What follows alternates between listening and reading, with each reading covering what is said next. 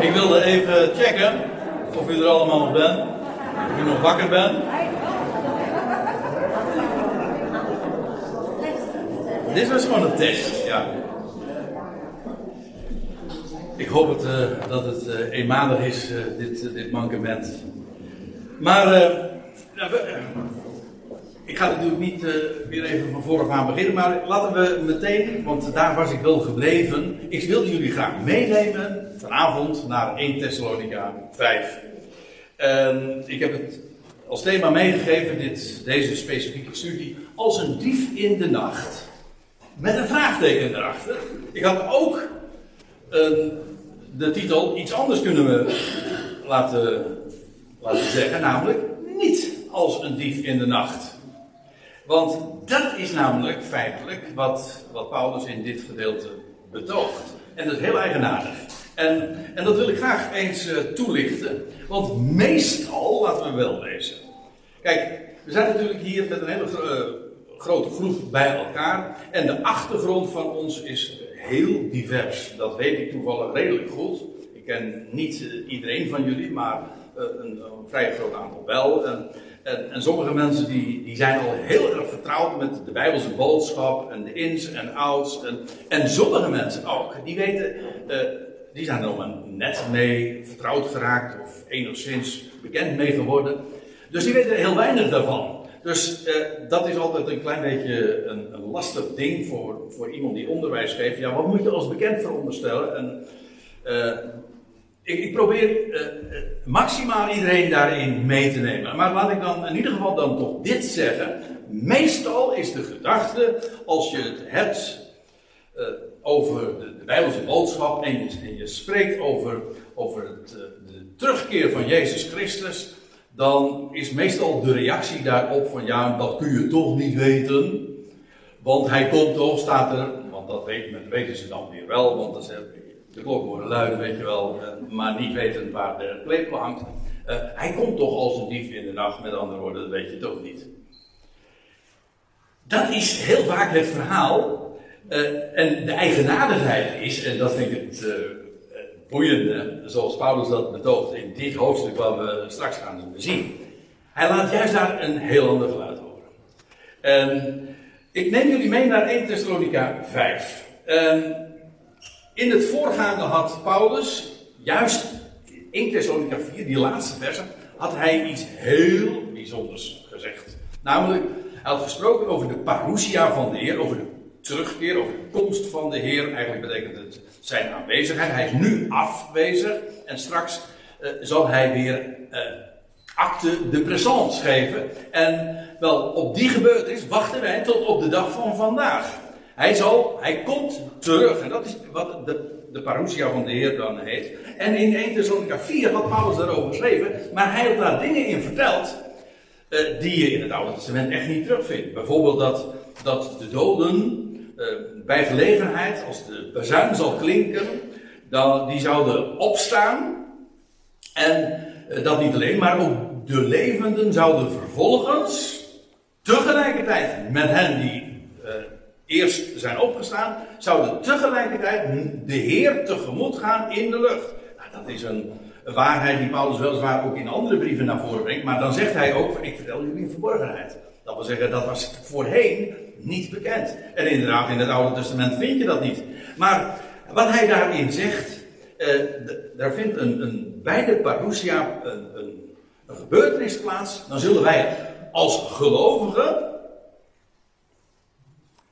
in het evangelie, daar gaan we, in de laatste bijeenkomst gaan we daar nog eens eventjes de puntjes op i zetten, want wat is dat evangelie dan precies? Maar nu, uh, laat ik daar uh, meteen even mee beginnen. Uh, degenen die geloven, die zullen dan bij die gelegenheid inderdaad ten hemel varen. Zowel de doden die opstaan, als de levenden die op dat moment overleven. Dus op dat moment leven op aarde, zullen samen met elkaar de Heer tegemoet gaan. En en dan zegt Paulus, hij noemt dat ook de wegrukking, of eigenlijk zegt hij van ze zullen worden weggerukt als, of, als voor, een, voor een groot gevaar. dat, dat dreigt. Zij zullen daarvan worden geëvacueerd en ze zullen de Heer tegemoet gaan. En dan zegt hij, als hij daarover gesproken heeft, in vers 1 van, van hoofdstuk 5 dan, maar zegt hij, omtrent de tijden en de gelegenheden. En nou ja, zoals gezegd, eh, in het voorafgaande had hij dus gesproken over die wegrukking. En waarbij de doden eerst zullen worden opgewekt. De doden die in Christus ontslapen zijn, is een selecte groep. Heel veel mensen denken, oh dat zal een massaal gebeuren zijn. Nou, daar hoor ik helemaal niks van. Maar dat zijn degenen die het geloven in de boodschap die de apostel Paulus heeft, heeft verkondigd. Namelijk dat evangelie van, van wie God is. Van het, dat blijde bericht dat hij de redder is van deze wereld. Nou, laat ik u dit vertellen. Dat bericht, dat is heel, wordt helemaal niet zo massaal geloofd. En zij die, waarvan je zou verwachten dat hij, zij het geloven, dat zijn meestal degenen die het juist heel van harte, hardgrondig verwerpen. Of het uh, als onbelangrijk uh, neerzetten of, uh, of anderszins. Maar in ieder geval, bij die gelegenheid zullen dus, zij worden, die de doden in Christus zullen worden opgewekt. De levenden zullen tegelijkertijd de Heer tegemoet gaan in de lucht. En dan zegt Paulus, maar ik hoef je over de tijden en de gelegenheden verder niks te vertellen. Waarom niet? Nou, kijk, die tijden, daarmee bedoelt hij uh, wanneer dat precies zal zijn. En uh, als hij het heeft over de gelegenheden, meer dan de, de, context, de hele samenhang waarin dat zal plaatsvinden. Nou, hij zegt, want kijk eens, jullie weten zelf, uh, jullie zelf weten nauwkeurig dat de dag van de Heer zo komt als een dief in de nacht. Ja, hij zegt: Het is niet nodig om, om uh, jullie daarover te vertellen. Waarom? Wel, ik heb jullie daarover namelijk uh, uitgebreid uh, geïnformeerd. Dat was kort tevoren. Paulus was nog niet zo lang tevoren daar in, in Thessalonica geweest. En hij had verteld over de dingen in verband met de eindtijd en de terugkeer van Jezus Christus. Hij zegt, jullie weten dat allemaal. Hij zegt, jullie weten dat de dag van de Heer aan, uh, zo komt als een dief in de nacht. Hé, hey, toch wel? Is dat anders wat ik, als wat ik zojuist zei? Nou, wacht even. Eerst even dit. Die dag van de Heer, wat bedoelen we daarmee? Kijk. Wanneer, wanneer begint die dag? Kijk, in strikt genomen eh, is het eh, niet moeilijk om eh, een dag te definiëren. Een dag begint op het moment dat het licht wordt. Dat de zon opkomt en dat de zon verschijnt. Dan, dat is het moment dat de dag aanvangt. Wel, wanneer begint die dag? Nou, voor het lichaam van Christus, dat is wat ik met deze afkorting bedoel, even om het korter houden. De, het lichaam van Christus, de gemeente, dat, dat is dat gezelschap wat momenteel uitgeroepen wordt in deze wereld. En voor hen begint die dag al voor de grote verdrukking, voordat uh, die, die vreselijke periode hier op aarde zal losbarsten. Voor hen vangt die dag al eerder aan. En kijk, dat is die wegrukking waar hij het over uh, had in het voorgaande hoofdstuk. Dat is de parousia. Dan, zal de, dan komt de Heer.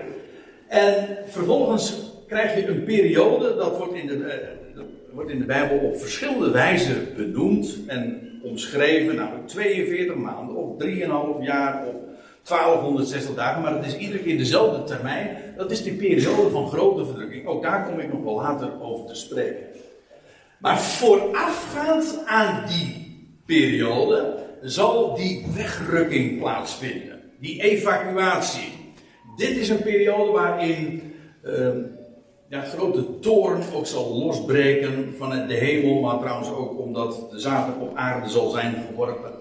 En voorafgaand aan die periode zal de Ecclesia, de gemeente, het lichaam van Christus, of hoe je het ook maar wil formuleren, worden weggerukt. En daarna, na die verdrukking, zal de Heer verschijnen voor Israël.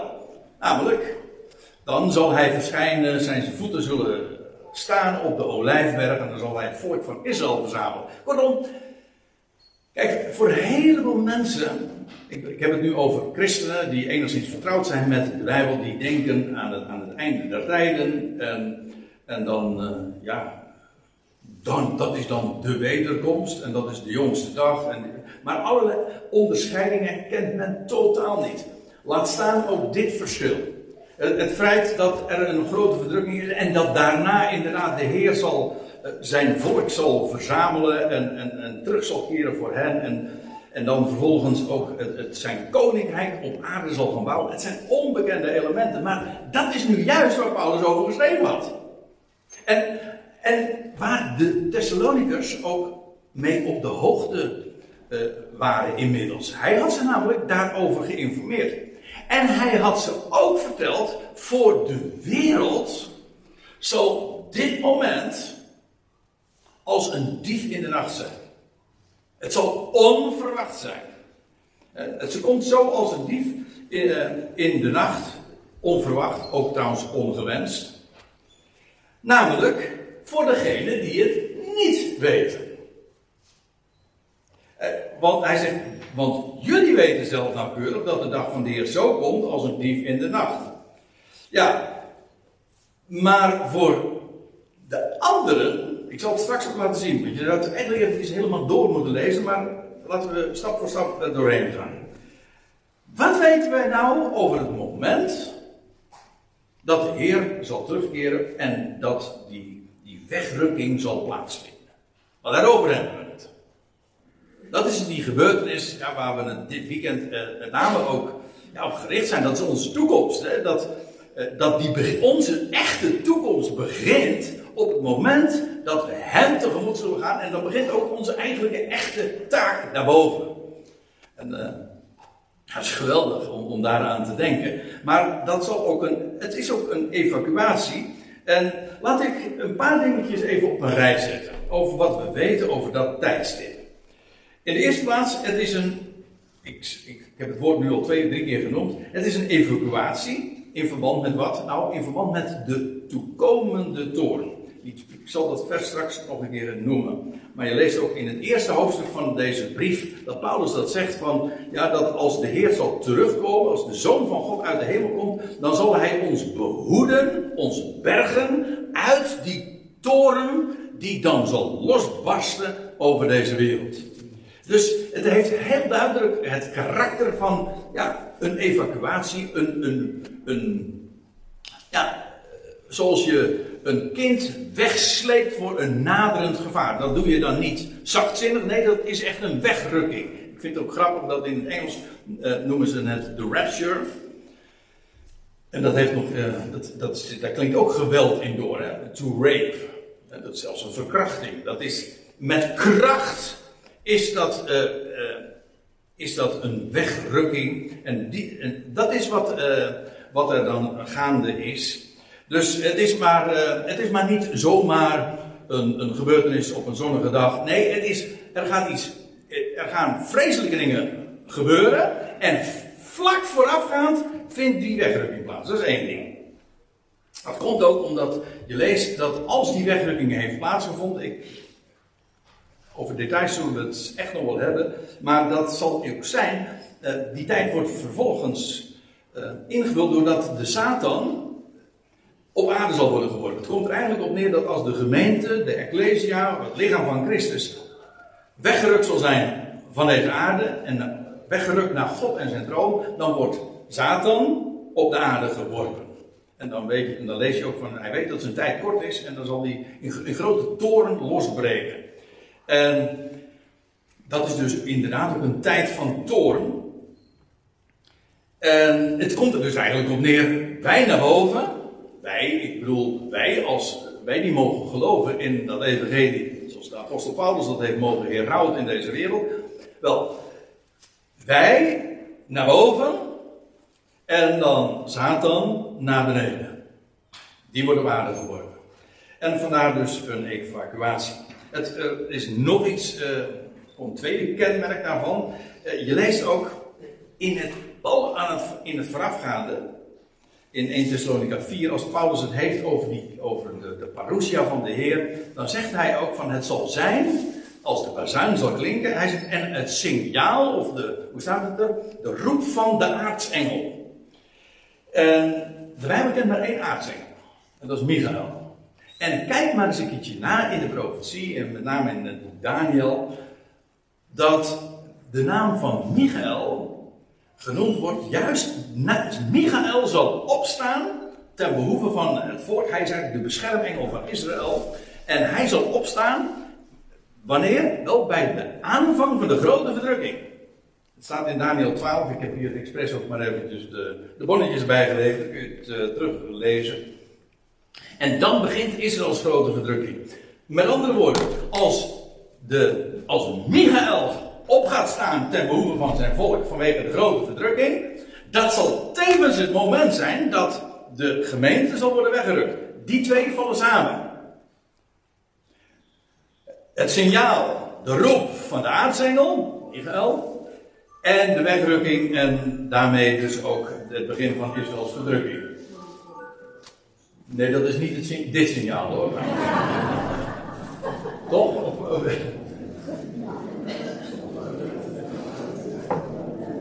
dat, uh, dat, doet niet echt denken aan de bazaar. Uh, nog, nog, een, nog een kenmerk. Moet je ook weten.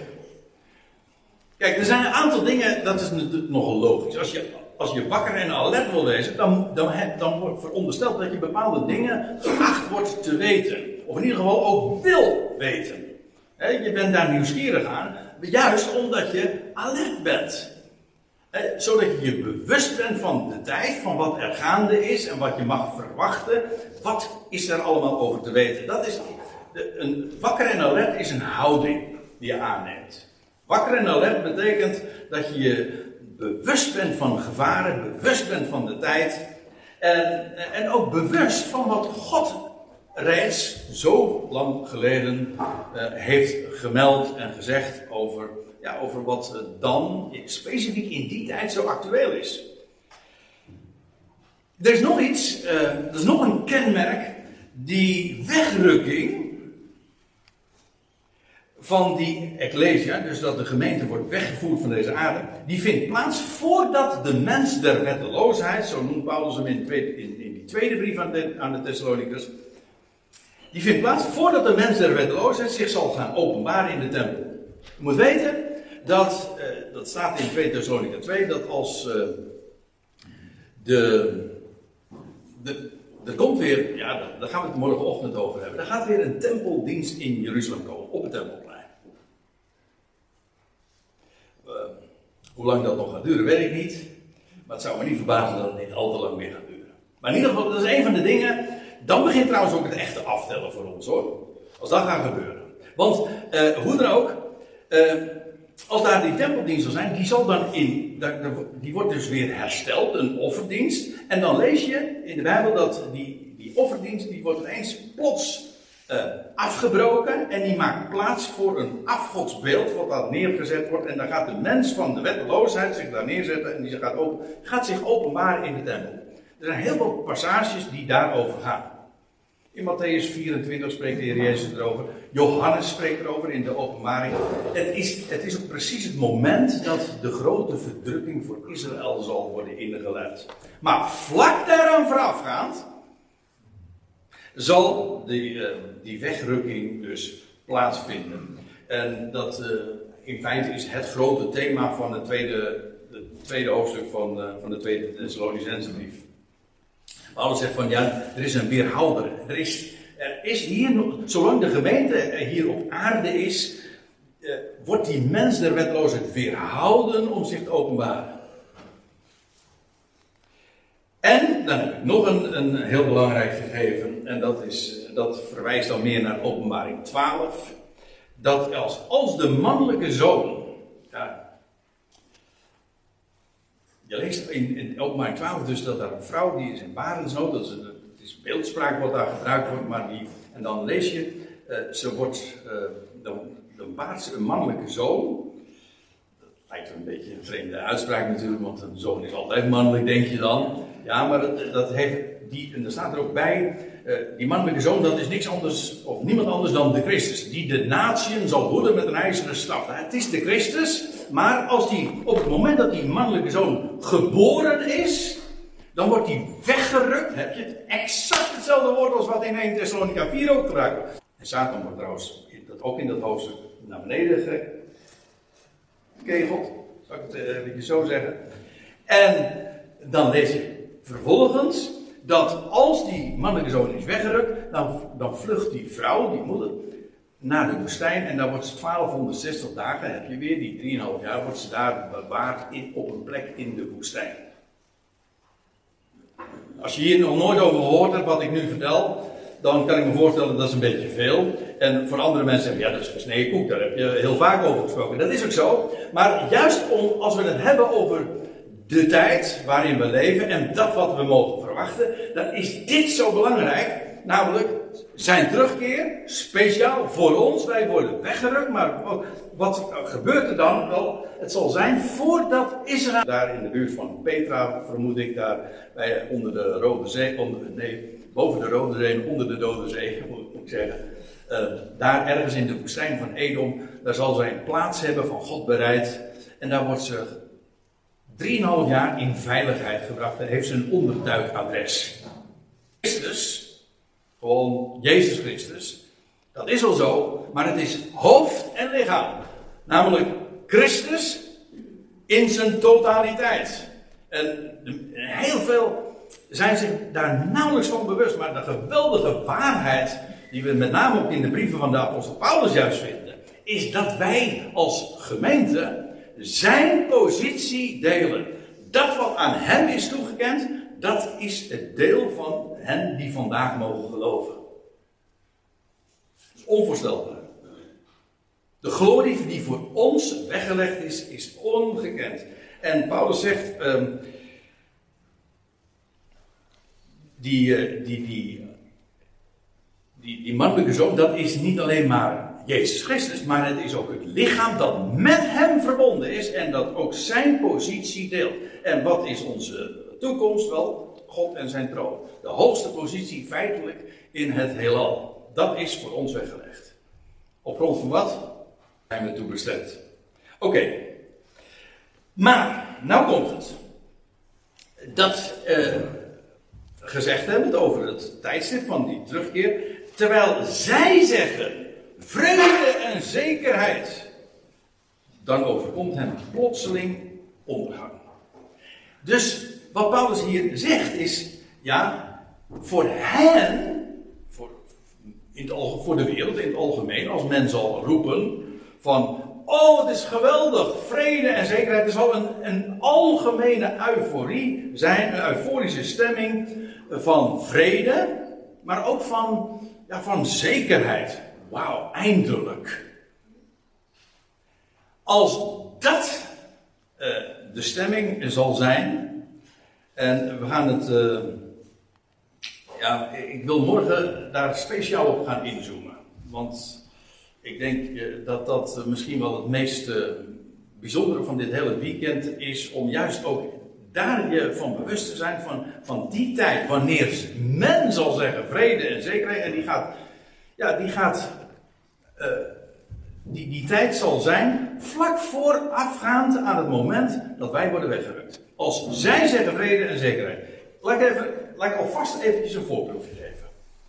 Uh, het is die periode waarvan openbaring 6 zegt, bij de eerste zegel. Het wordt eigenlijk het eerste moment in verband met het hele, uh, dat, dat draaiboek, als ik het zo mag zeggen, van de openbaring. Dat begint met vrede. Dat die ruiter op het witte paard. Je zou zweren dat het Christus is. Ik bedoel dat echt eerbiedig, maar omdat, dat zeg ik ook omdat die ruiter op het witte paard elders in de openbaring inderdaad Jezus Christus is. Hij lijkt er als twee druppel water op. Maar het blijkt, het blijkt juist uh, zijn tegenbeeld te zijn. Maar in ieder geval, een ruiter op het witte paard brengt vrede. Dat blijkt wel, want als de, die tweede ruiter op, op draven, dan, uh, dan wordt de vrede juist weggenomen. Maar het begint met vrede. Uh, tweede, er, er is, wees er zojuist al even op. Er komt een periode dat er in Jeruzalem weer een tempeldienst zal zijn. Kun je nu. Uh, ja, er zijn natuurlijk al heel veel uh, aspiraties in die richting van de Joodse zijde. Men wil een tempel weer bouwen. En En alles is eigenlijk al in gereedheid. Men wacht eigenlijk nog op het politieke groene licht. En als dat er zal zijn, ja. Maar dan krijg je een tijd, zeg. En dan zal men zeggen: van als daar dan weer een tempel is in Jeruzalem en een, en een offerdienst die dan draait. Dit is het beloofde. Dit is het. En men zal zeggen vrede en zekerheid. En er komt trouwens nog iets bij. In diezelfde periode zal, eh, zullen tien landen daar in het Midden-Oosten zich gaan verenigen. Er is altijd conflict daar eh, tussen die, tussen die landen en tussen die volkeren. Maar zal, men zal zich gaan verenigen. Ook dat is vrede. En er zal een, een, een rijk ontstaan. Een tien statenbond. Ook daar wil ik het eh, morgen nog wat over hebben. Maar en bovendien, er zal daar ook nog eens een keertje in, we hebben het over het Midden-Oosten, in Irak, daar komt weer die stad Babylon, die we vanuit de oudheid kennen, waar het ooit allemaal na de zonvloed mee begon, en die latere periode in het Babylonische Rijk, in het Medo-Persische Rijk, in het Griekse Rijk, was Babylon de hoofdstad. Nou, de laatste, in het laatste fase van deze aion wordt Babylon opnieuw de hoofdstad. En dat wordt dan weer een, echt een wereldhandelscentrum. Dat blijkt uit alles zoals dat in openbaring ook beschreven wordt. Zekerheid. Ook daar financiële zekerheid, economisch. Het zal, het zal een geweldig uh, rijk zijn wat, wat, zich daar, wat daar tot bloei gaat komen. Men zal zeggen vrede en zekerheid. Nou, terwijl zij zeggen vrede en zekerheid, ik ga weer even terug naar 1 Thessalonians 5, dan overkomt hen plotseling ondergang. Ja, waarom? Nou, je leest, uh, de overdienst wordt stopgezet. Er wordt vervolgens, uh, om welke reden, dan doet nu even niet de zaken, maar er wordt een afgodsbeeld op het tempelplein neergezet. En dan begint Israëls, zeker Israëls grote verdrukking.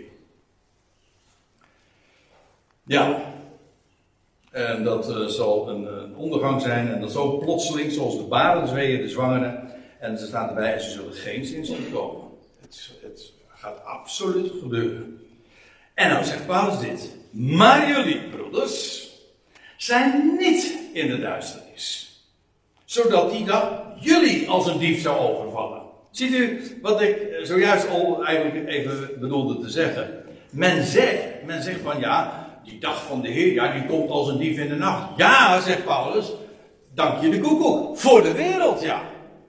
Voor de wereld, die weet niet wat er gaande is. Die weet niet hoe laat het is, die weet niet wat er voorzegd is. Die, die weet dus ook niet wat ze, wat, dat die vrede en die zekerheid waar men zo euforisch over is, dat het in werkelijkheid de introductie is, of het eigenlijk het, het, het, het begin van het einde.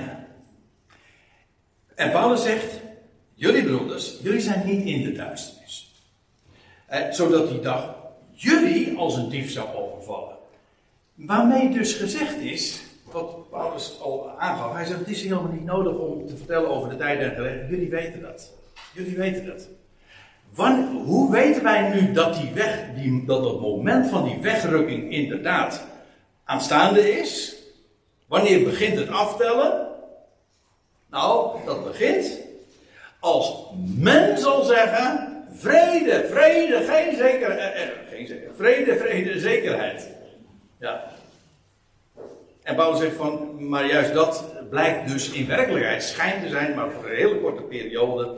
En dus als zij dat zeggen, hij zegt, dan weten wij in ieder geval met recht hoe laat het is. Dan, kun, dan kunnen wij gaan aftellen en dan weten we van, nu gaat het dus gebeuren. Dus uh, kan, dat zo, kan dat nu al gebeuren, die wegrukking? Dan zeg ik, nee, dat kan niet. Want wij weten, wij weten dat als dat, dat pas zal gebeuren wanneer men dat, dat zal roepen. Dat zal, dus, zal dus een hele bijzondere tijd zijn, die, ja, ook daar uh, zal morgen nogal wat, uh, wat meer op worden ingezoomd, maar die juist voorafgegaan zal worden door uh, heel veel oorlogsdreiging, zodat men zal snakken naar vrede. En als dan eindelijk die, die, die verwachte en gehoopte vrede zal aanbreken, met name daar in Jeruzalem in het Midden-Oosten, eindelijk, eindelijk rust. zekerheid.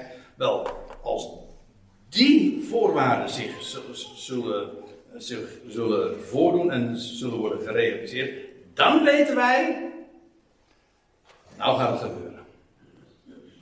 Dus dat hoeft ons niet te overvallen. Wij weten dan hoe laat het is. Dat is wat Paulus eigenlijk zegt.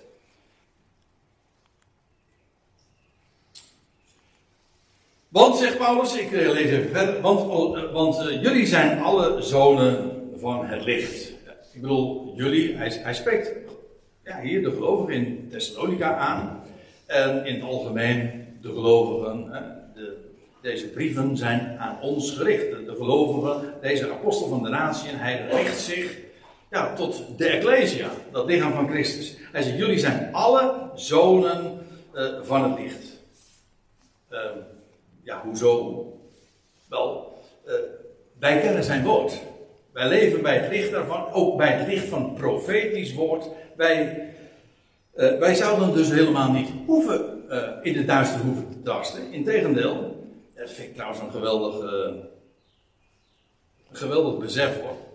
Dat, dat wij weten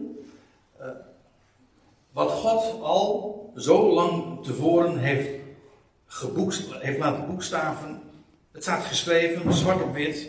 Ja, en de enige die werkelijk informatie kan geven over de toekomst is hij zelf. En dat heeft hij ook gedaan. Dus bij dat licht wandelen we. Wij zijn zonen van, wij, wij erven dat licht. Wij, wij leven bij dat licht. Hoe weten wij, hoe kunnen wij daar zo zeker van zijn? Wel, God heeft het, het, het, zijne erover gezegd. Jullie zijn alle zonen van het licht. Jullie zijn zonen van de dag. Wij zijn niet van de nacht of van de duisternis. Wij tasten dus ook niet in het duister daarin. Wij weten het. Waarom? Niet omdat wij zo knap of intelligent zijn, maar gewoon God heeft gesproken. De schriften, bij dat licht. En hij zegt, en vandaar dat wij dus in de dag leven en in het licht. En zegt Paulus, als dat dan zo is, laten wij dan ook niet sluimeren zoals de overigen, maar wakker en nuchter zijn. Nou, weet je ook meteen uh, waarom ik deze, deze versen, dit Bijbelgedeelte ook voor vanavond heb uitgezocht. Want ja, het is, uh, mag duidelijk zijn dat als we het hebben dit weekend over wakker en alert, dan pakken we, dan, ja, dan selecteren we die schriftplaatsen die juist daarop betrekking hebben. Nou, Paulus zegt in dit hoofdstuk en in deze versen dus, wij zijn van de dag. Wij behoren het licht toe. We hebben het profetisch woord. Dat schijnt als een, als, een, als een lamp in een donkere plaats. Hij zegt, wel, wij zijn van de dag. Laten we daar ook niet sluimeren. Dat doe je in de nacht. En laten we wakker zijn en nuchter.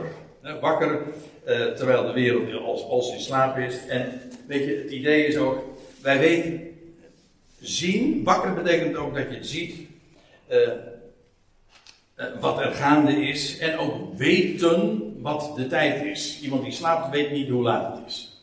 Iemand die wakker is, die weet dat wel. Of die kan in ieder geval weten, kijk, nu, zo laat is het. En nu gebeurt er dit. Aha, dan weten wij ook hoe laat het is, als u begrijpt wat ik bedoel. Wel, zo, zo hebben wij een profetische klok.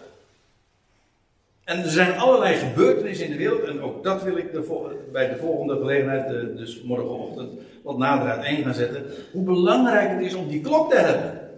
En te weten met recht dus, om even in de beeldstraat te blijven, hoe laat het is. Misschien niet tot in de kleinste details, maar dat je in elk geval weet van, in deze tijd, in deze nachtwaken, ik loop nu vooruit op wat ik morgenavond ga vertellen en uitleggen, eh, gaat het gebeuren. En Paulus zegt, laten wij dus ook niet sluimeren, zoals de overigen, maar wakker en nuchter zijn. Nuchter wil zeggen dat je niet onder invloed bent. Bedwelmd, dat je niet meer helder ziet, dat je geen scherp oordeel meer hebt, niet meer je, je evenwicht kwijtgeraakt bent. En betekent trouwens ook figuurlijk eh, dat je niet meegaat in de hypes en de waan van de dag. Dan ben je ook niet nuchter dat is trouwens ook een heel praktisch element. Ik denk dat als we. We zijn hier samen op het woord. We, we, we, openen de Bijbel en we willen weten. Ja, wat staat er eigenlijk? Wat heeft God gezegd? En wat heeft Paulus, de apostel van de natie, allemaal over deze, over deze tijd gezegd? Wel, dan, uh, dat, dat je je daarop oriënteert en niet je laat gek maken door alles wat er in de wereld speelt. Via, en dan word je eigenlijk, dat is ook in dat opzicht, het is zo actueel, maar er is nooit een tijd waarin de misleiding zo massaal op ons afkomt, als juist deze tijd. Ik bedoel, de media die, die staan je voortdurend dingen eh, toe te roepen. En het komt zo indringend binnen, dagelijks. Niet alleen maar zoals uh, uh, 50 jaar geleden dan met het journaal of als je de tv aanzette. Maar nu is het echt dag, niet alleen, elk uur, elk moment heb je altijd maar die informatie, desinformatie, fake news, al, waan. Dat wat, wat, wat, wat wat het ene moment allemaal zo gehyped wordt, dat blijkt een ander moment alweer totaal weer voorbij gegaan te zijn en achterhaald. Uh, maar als je je door die dingen allemaal gek laat maken, ja, dan, uh, dan, heb, je, dan heb je het slecht. En bovendien, je wordt, voor, je wordt gewoon voortdurend bij de neus genomen. Dat is altijd al zo geweest, maar nooit is het zo op ons afgekomen en zo indringend. En, en daarom, ja, Daarom is het ook zo zaak dat je juist nu het zo indringend op je, dat je ermee wordt, ja, ik zo, wou haar zeggen, wordt doodgegooid. En zo wordt overspoeld door allerlei info en waan. Nou, dat je dan bewust bent van, wat staat er geschreven? En dan wakker te zijn en ook nuchter. Dat je, de ding, dat je gewoon alle onzin van de wereld gewoon kan parkeren. Zeg van, oké, dan weten we dat ook weer. Even snel kop, even de koppen sneller in de krant. Oké, dan weten we in ieder geval wat, wat zij zeggen. En dan weer gauw uh, terug naar wat er staat geschreven. Want dat is het enige wat echt relevant is. Dat is nuchter. Want zij die slapen, oh pardon, zij die sluimeren, staat eigenlijk, of dutten, uh, sluimeren des nachts. Ja, daar hoort dat bij. En die zich bedrinken, die zijn er s'nachts dronken. Dus uh, de nacht ja, heeft te maken met duister. En sluimeren, ja, dat wordt ook geassocieerd met onder invloed zijn, bedwelmd zijn. Ook niet meer dus nuchter de dingen kunnen bezien. Paulus zegt, ja, die dingen horen bij elkaar. Maar zijn die. Wij echter, zegt hij dan in vers 8. Wij echter zijn van de dag. Hoezo? Wel, wij wandelen bij het licht. En dus, eh, welke houding, welke attitude zeggen ze dan, uh, hoort daarbij? Wel, dat is dat we nuchter zijn, wakker en alert. En hij zegt er nog iets bij in vers 8. Uh, eh, en dat zijn dus beeldspraak uit eigenlijk militaire beeldspraak. Want het idee is ook dat we feitelijk betrokken zijn in een enorm conflict. Dat zou je niet zeggen, als je zo hier vredig in Maren zit en het zonnetje schijnt, het is allemaal prachtig en mooi.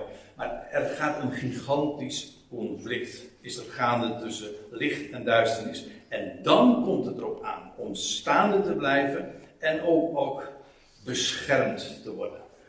En beschermd te zijn, hij zegt uh, nuchter, wakker, en dan ook aantrekkend het borstharnas van geloof en liefde.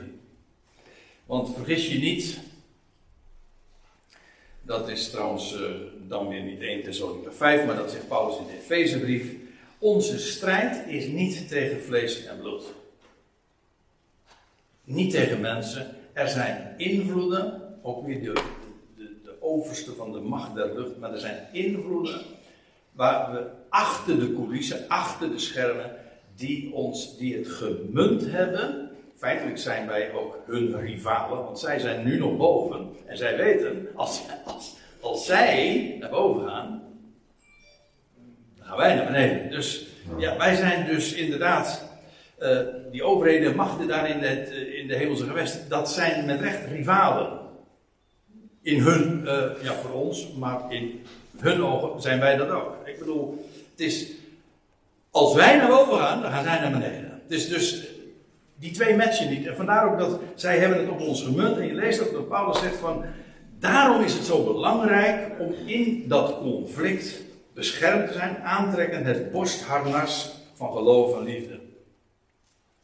En dan heb je een geestelijke wapenrusting. En ik vind het wel uh, apart dat hier ook weer die bekende trits wordt genoemd van geloof, liefde en maar ook hoop. In, in deze volgorde dan, in dit geval. Dus het, het borstharnas, ik, ik, ik, versta het tenminste zo, dat borstharnas dat, is, eh, dat beschermt je hart en de longen, geeft je lucht. Hè. Geloof, geloof heeft te maken met vertrouwen. In wat? Nou, vertrouwen in God. En wat bedoelen we daarmee? Wel, vertrouwen in wat Hij heeft gesproken.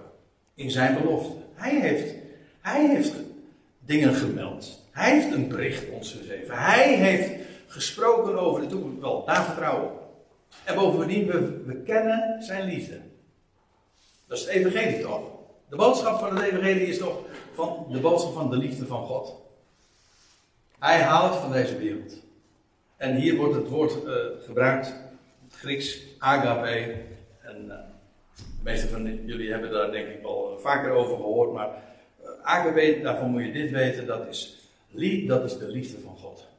Die onvoorwaardelijk is. Er zijn allerlei vormen van liefde. Ik bedoel, van eros, hè, kent de Bijbel ook. En dat is, dat is lichamelijke aantrekkingskracht. Ik bedoel, erotiek is daarvan afgeleid. Maar het heeft te maken met aantrekkingskracht uh, tot de ander. Maar uh, je hebt ook nog zoiets als van sympathie. Je, hebt, je vindt iemand aardig. Dat vindt, dat vindt dan toch weer zijn oorzaak in de eigenschappen van de ander. Maar agape, dat is God, de liefde van God die onvoorwaardelijk is. God houdt van elk schepsel. Weet u waarom? Het is zijn schepsel. Het is van hem. En agape, dat is liefde, de liefde van God zelf. Het is de liefde die hij heeft, omdat het zijn creaturen zijn. Als je zo uh, naar andere mensen kan kijken, de hele wereld kan kijken, naar zijn creatie, het is van hem. En ik moet zeggen, als je dat weet, ja, dan, begrijp je, dan begrijp je ook het evangelie, want dan weet je, als, hij, als God nou van deze wereld houdt, en van elk mensenkind, en van elke creatuur, dat laat hij toch nooit varen. Zoals we deze samenkomst ook begonnen zijn met, met, met dat lied, die nooit laat varen, die, die eh, nooit zal verlaten wat zijn hand begon. Ja, dat is het evangelie. Dat is het evangelie. En waar het op aankomt, als je wakker en alert bent, weten wat er staat geschreven, weten, wat, weten hoe laat het is, weten wat je, wat je mag gaan verwachten, dus ook op de hoogte zijn van wat er voorzegd is, maar het betekent ook dat je vertrouwt op zijn woord. Het betekent ook dat je weet het diep overtuigd bent van het feit, hij houdt van zijn schepping. En hij gaat alles door alle wegen heen en door alle diepten heen, hij gaat alles tot een goed einde brengen. Dat is de liefde Gods. Als je dat hebt, dan is je, dan is je hart en dan je longen beschermd. Dan, kun je weer ademhalen, om zo te zeggen. Dan gaat je hart ook weer kloppen. Dat, dat geeft me echt. Uh, dat geeft lucht. En bovendien zegt Paulus, en de hoophelm van redding. Zo, zo, uh, zoiets noemt hij dat. De helm van hoop. Namelijk die van redding. Wij weten, kijk, specifiek in dit geval houdt dat ook in. Uh, die redding, namelijk. hoezo? Wel, wij worden straks geëvacueerd. Wij worden gered. En dat is waar wij het oog op hebben gericht. Eigenlijk onze toekomst gaf het zojuist even kort aan. Maar onze toekomst begint echt wanneer dit lichaam, dit sterfelijke lichaam, onsterfelijkheid zal aandoen. Of als het eventueel al gestorven is en de graven zijn, dan, dan wordt het opgewekt. Maar op het moment dat die transformatie plaatsvindt en onze lichamen onsterfelijk worden en we hem tegemoet gaan, ja, dan gaat het echt beginnen. Maar ja, als, als dat de, echte startschot is, dan wil je ook graag weten van, ja, wanneer gaat dat, hoezo dan wel? Wat zijn de tijden en gelegenheden? Nou, de Thessalonicers waren ervan op de hoogte. En nu is de vraag bij ook. Dat is eigenlijk de vraag. En daarom komen we zo'n weekend bij elkaar om je, om je daar eh, bewust van te worden. Maar jongens, eh, dat is die hoop. De hoophelm. Hè? Wij hebben, zo, wij hebben een hoop hoop hoor. Zoveel hoop, zoveel verwachting. Want, zegt Paulus, ik, ik maak het nog even af. Want God stelt, onze, want God stelt ons niet tot toren. Heb je het weer? Toren die over deze wereld gaat losbarsten. Daarvan worden wij, vlak voordat dat gaat gebeuren, worden wij dus uh, geëvacueerd. En uh, dat plaatje moet dat ook ondersteunen. Dan worden wij in veiligheid gebracht. Trouwens ook met een hele belangrijke functie. Niet alleen maar om, om in veiligheid gebracht te worden. Dat komt ook omdat die mannelijke zoon, Abraham, het lichaam van Christus, de gelovigen, die horen, die één met hem zijn, die krijgen straks, vanaf dat moment, een plaats in de hemel bij God en zijn troon. Bestemd voor de heerschappij. Dan begint onze eigenlijke echte taak daarboven ook. Dit is eigenlijk alleen maar aanloop en preparatie daarvoor. Alleen maar. Uh, belangrijk zat. Maar ik bedoel, dan begint de echte taak. En Paulus had daarover al eerder in dezezelfde brief geschreven. Hij zegt en dat wij wachten op zijn zoon vanuit de hemelen. Want hij komt dan, hè, het hoofd. En dan staat er. En dan worden we verenigd, hoofd en lichaam. En eh, zijn zoon uit de hemelen, die God opwekte vanuit de doden. Jezus die ons bergt. Of in veiligheid brengt vanuit die komende toren. Dus het idee is inderdaad. Het is een. Vanuit een. Uit. Uit het uh, hoe staat het er?